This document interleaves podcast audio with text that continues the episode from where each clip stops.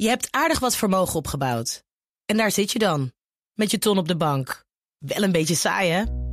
Wil jij, als belegger, onderdeel zijn van het verleden of van de toekomst? Bridgefund is een slimme fintech die een brug slaat tussen de financiële behoeften van ondernemers en van beleggers.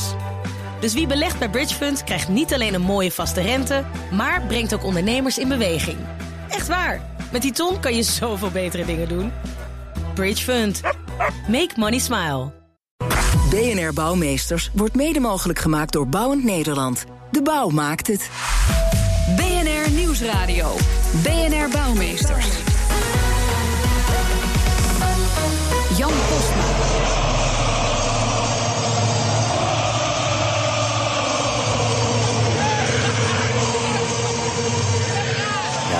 You'll Never Walk Alone, dat klinkt natuurlijk prachtig in de Kuip in Rotterdam. Eigenlijk klinkt het nergens zo mooi in Nederland als daar.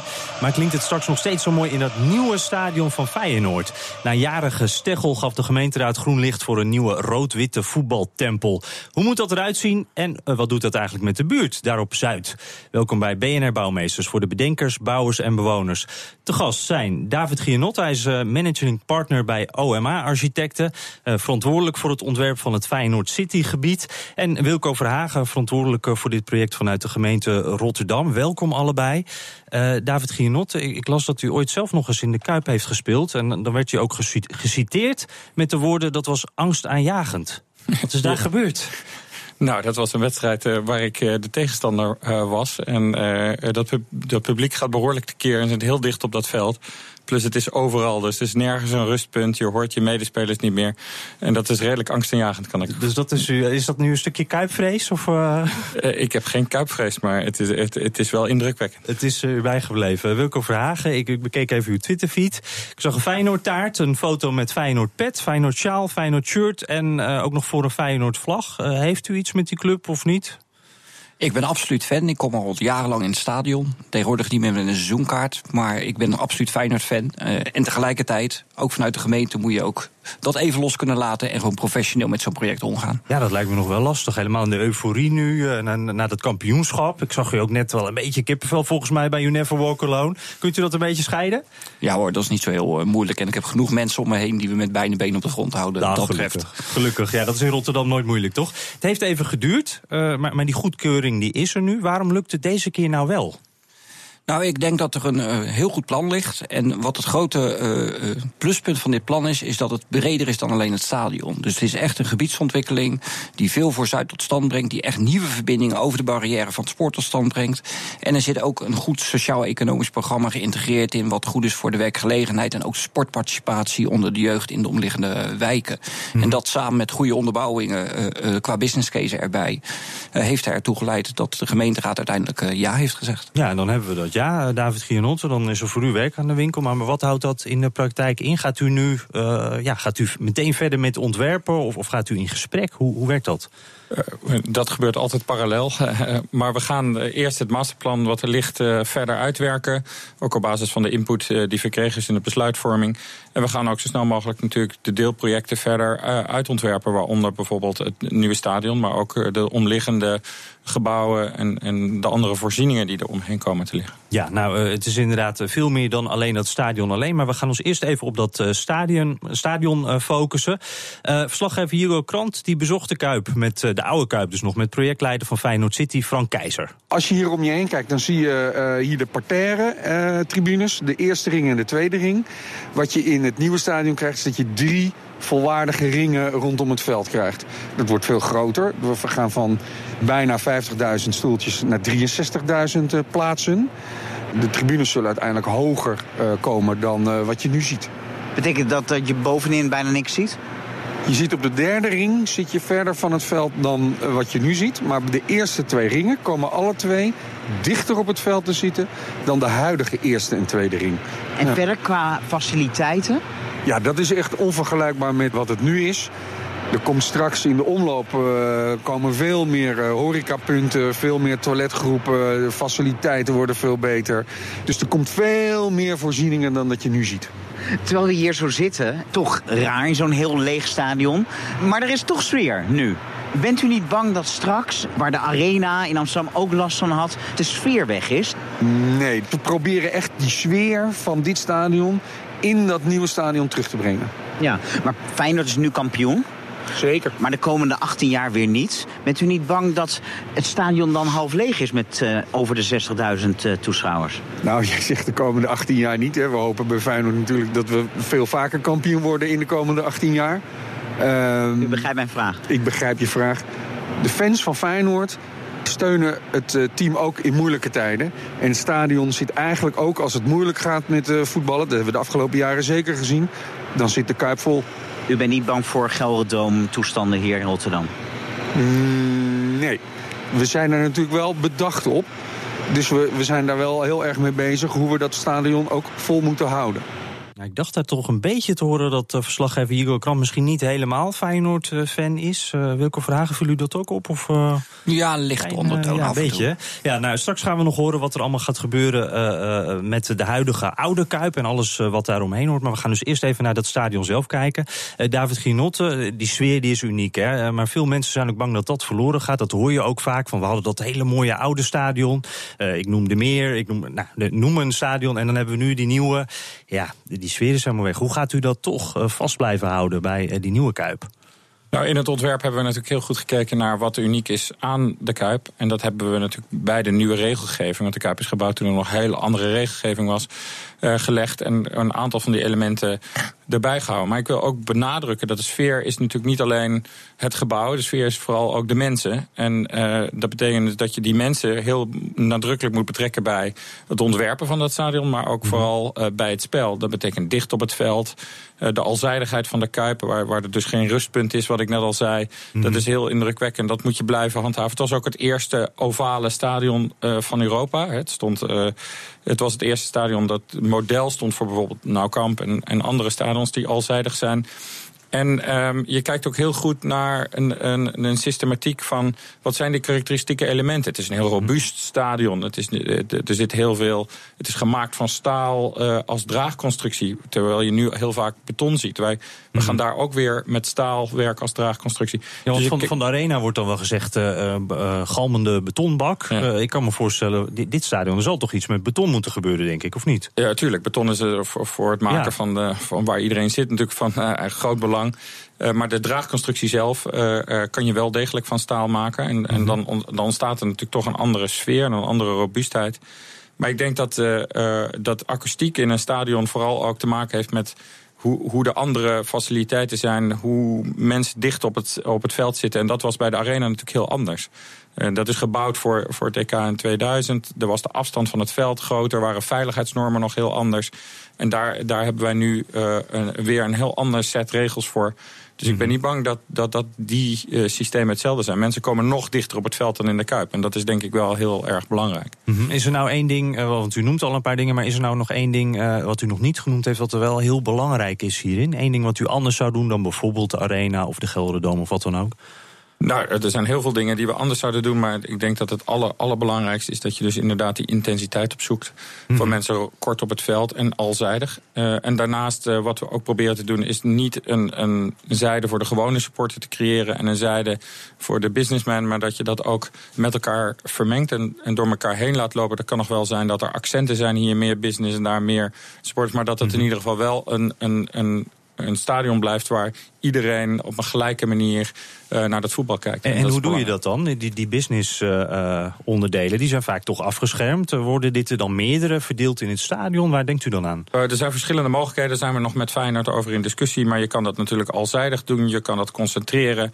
En, verder, en daarnaast ook wat verspreide punten maken. Het zijn allerlei oplossingen voor die nog uitgewerkt worden. En waar nog een keuze in gemaakt zal worden. -hmm. Nou moet dit ook een stadion worden wat, echt aan de internationale top mee kan draaien. Geschikt voor WK-finales, wordt dan gezegd.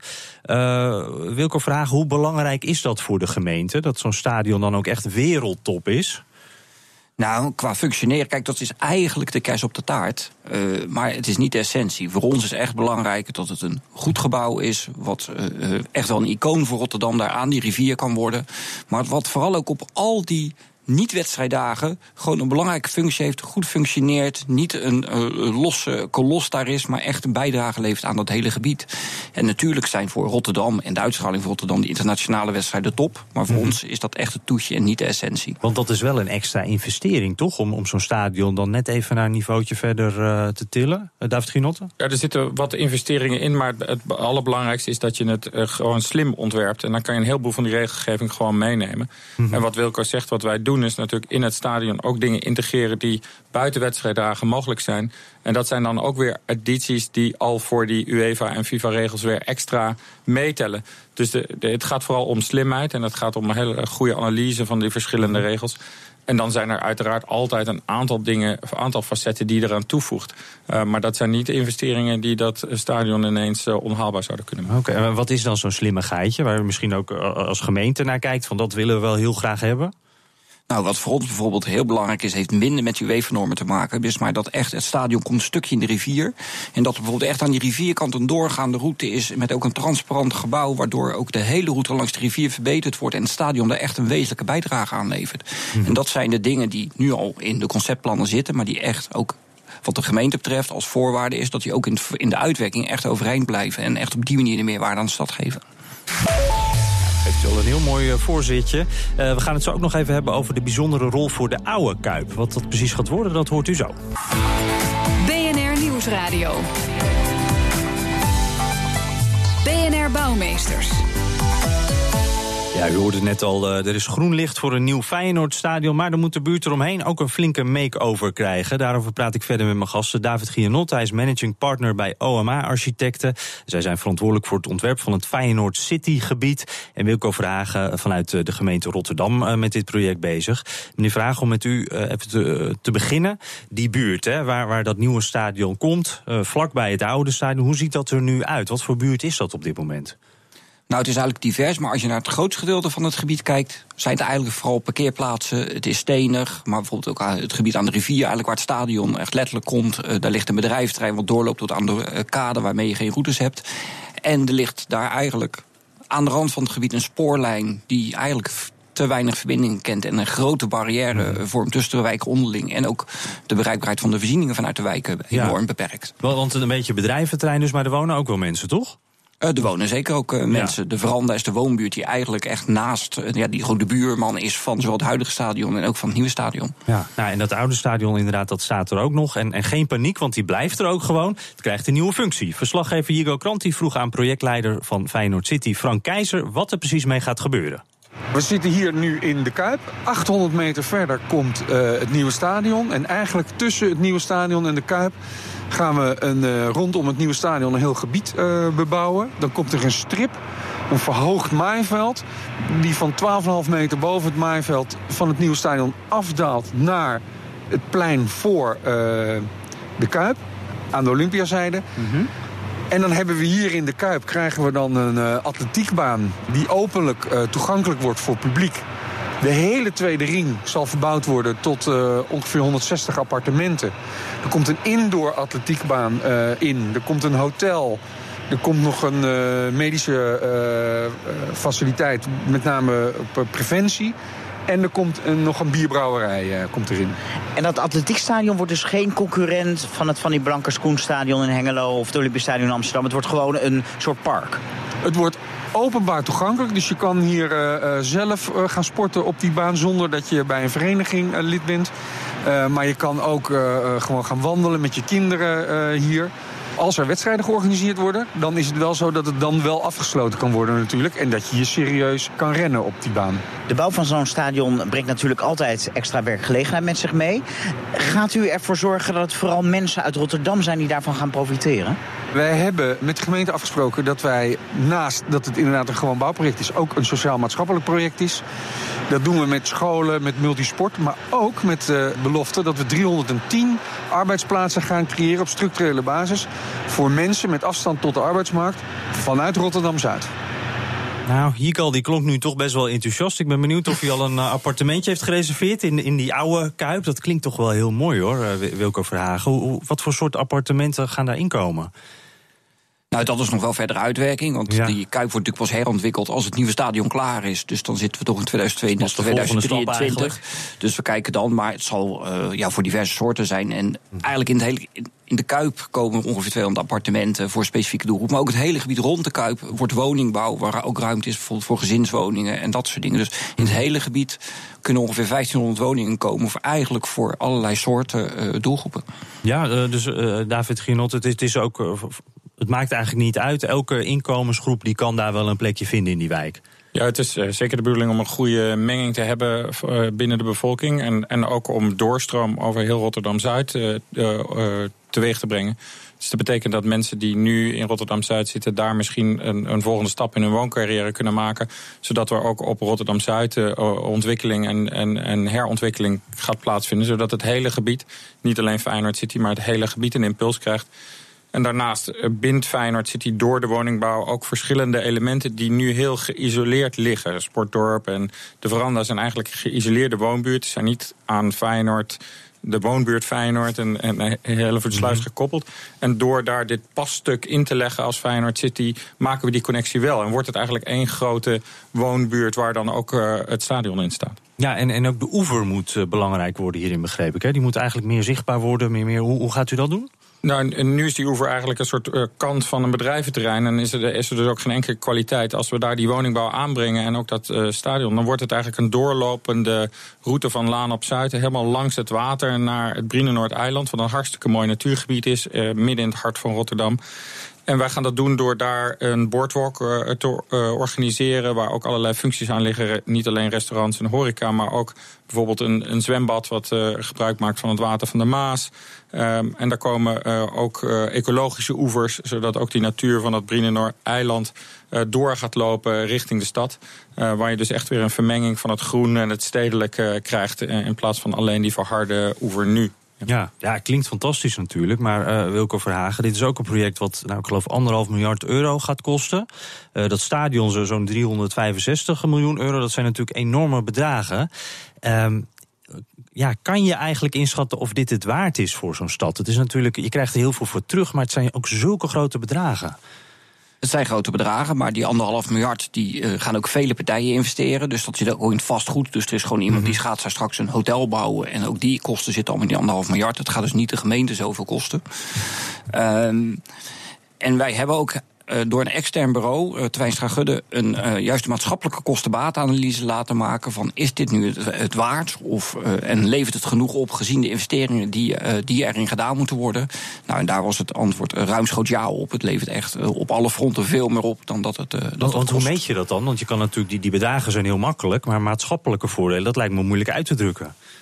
Nou, er zijn uh, gespecialiseerde bureaus in die daar heel veel uh, verstand van zaken hebben. En die kunnen uitrekenen wat nieuwe verbindingen, wat werkgelegenheid uh, en al dat soort dingen. wat die opleveren en wat voor effecten die op de wijken hebben. En bijvoorbeeld ook op de WOZ-waardes van de woningen in de omliggende wijken. En op die manier kan je het weer uh, in geld uitdrukken. Ja, is dat nou ook echt iets waar u in uw ontwerp voor, voor de, de, die hele buurt de rekening mee houdt? Hoe, hoe wordt dat dan overlegd met de gemeente? Nou, natuurlijk. We, we, kijken natuurlijk heel goed naar kosten en baten. En, en een van de belangrijke dingen is dat je daar dus echt een gebied ontwikkelt.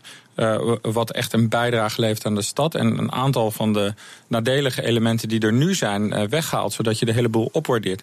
We moeten ook niet vergeten, het is de grootste gebiedsontwikkeling in Nederland naast de Zuidas. Dus het, is, het klinkt als een heel groot bedrag, maar het is ook een enorme investering in de stad, een enorm gebied, um, wat echt een enorme impuls krijgt. Uh, en dat is denk ik uniek. Mm -hmm.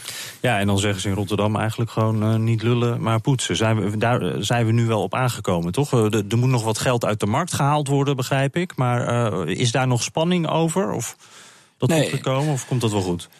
Nou, dat is nog wel werken de komende twee jaar om alle plannen uit te werken. Ook het ontwerp uh, waar OMA verder aan werkt. En dat uh, die verdere business case uitwerken en de financiers eraan te koppelen. Alleen, ik denk wel dat er nu een heel belangrijk besluit is genomen. doordat de gemeenteraad heeft besloten.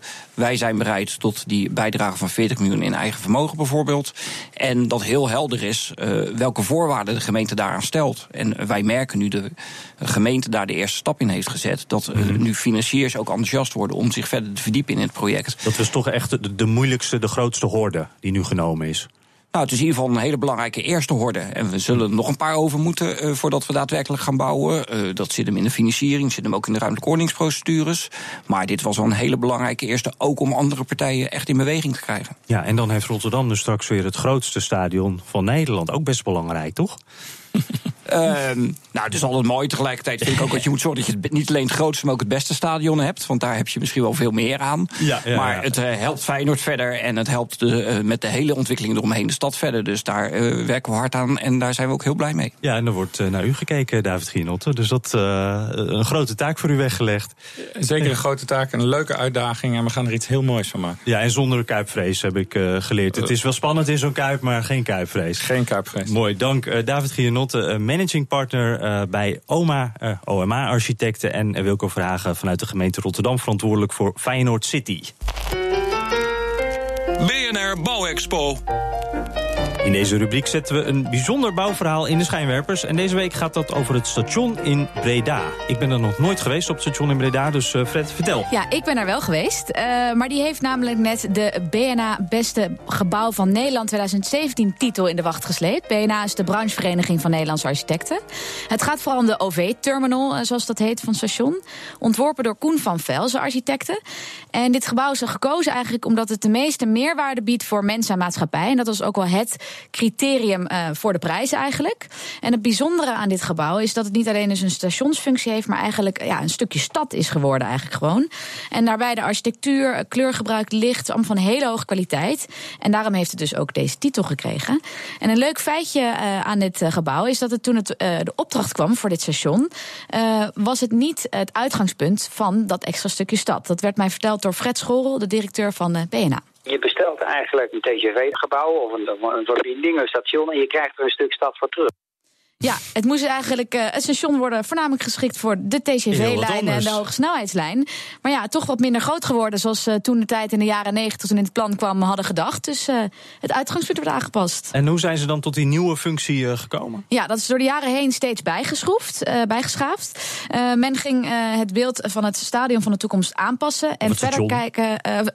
stadion, ja, station. we zitten er helemaal in, in die kuip, joh. Ja. En verder kijken dan alleen eigenlijk de trein in het station. Wordt steeds belangrijker in de binnenstad. Dus je ziet ook dat er steeds meer ruimte is gemaakt voor bijvoorbeeld fietsparkeren. Uh, straks krijg je de elektrische auto. Nou, die stations zijn eigenlijk in hun programma uh, gaandeweg steeds meer aangepast op uh, wat de stad van de toekomst moet zijn. Ja, dat zei uh, Fred Schorrel. Dus niet alleen maar de trein is uh, belangrijk, het moet een, eigenlijk een geheel mobiliteitsknooppunt worden. En het nieuwe station van Breda heeft dat allemaal heel goed begrepen en heeft dat perfect uitgevoerd en is dus helemaal klaar voor de toekomst. Nou, ik hoor het. Ik moet daar eens gaan kijken in. Niet voor de TGV, maar wel voor het uh, station. Dankjewel, Frederik. En tot zover deze uitzending van BNR Bouwmeesters. Kunt u natuurlijk helemaal terugluisteren via bnr.nl. Maar ook als podcast via iTunes of op Spotify. En we zitten ook op Twitter. Dus hebt u een tip, tip voor ons of nog een mooi bouwverhaal? BNR Bouw of mail naar bouwmeesters.bnr.nl. Dank voor het luisteren. BNR Bouwmeesters wordt mede mogelijk gemaakt door Bouwend Nederland. De bouw maakt het. Je hebt aardig wat vermogen opgebouwd. En daar zit je dan, met je ton op de bank. Wel een beetje saai, hè? Wil jij, als belegger, onderdeel zijn van het verleden of van de toekomst? Bridgefund is een slimme fintech die een brug slaat tussen de financiële behoeften van ondernemers en van beleggers. Dus wie belegt bij Bridgefund krijgt niet alleen een mooie vaste rente, maar brengt ook ondernemers in beweging. Echt waar. Met die ton kan je zoveel betere dingen doen. Bridgefund. Make money smile.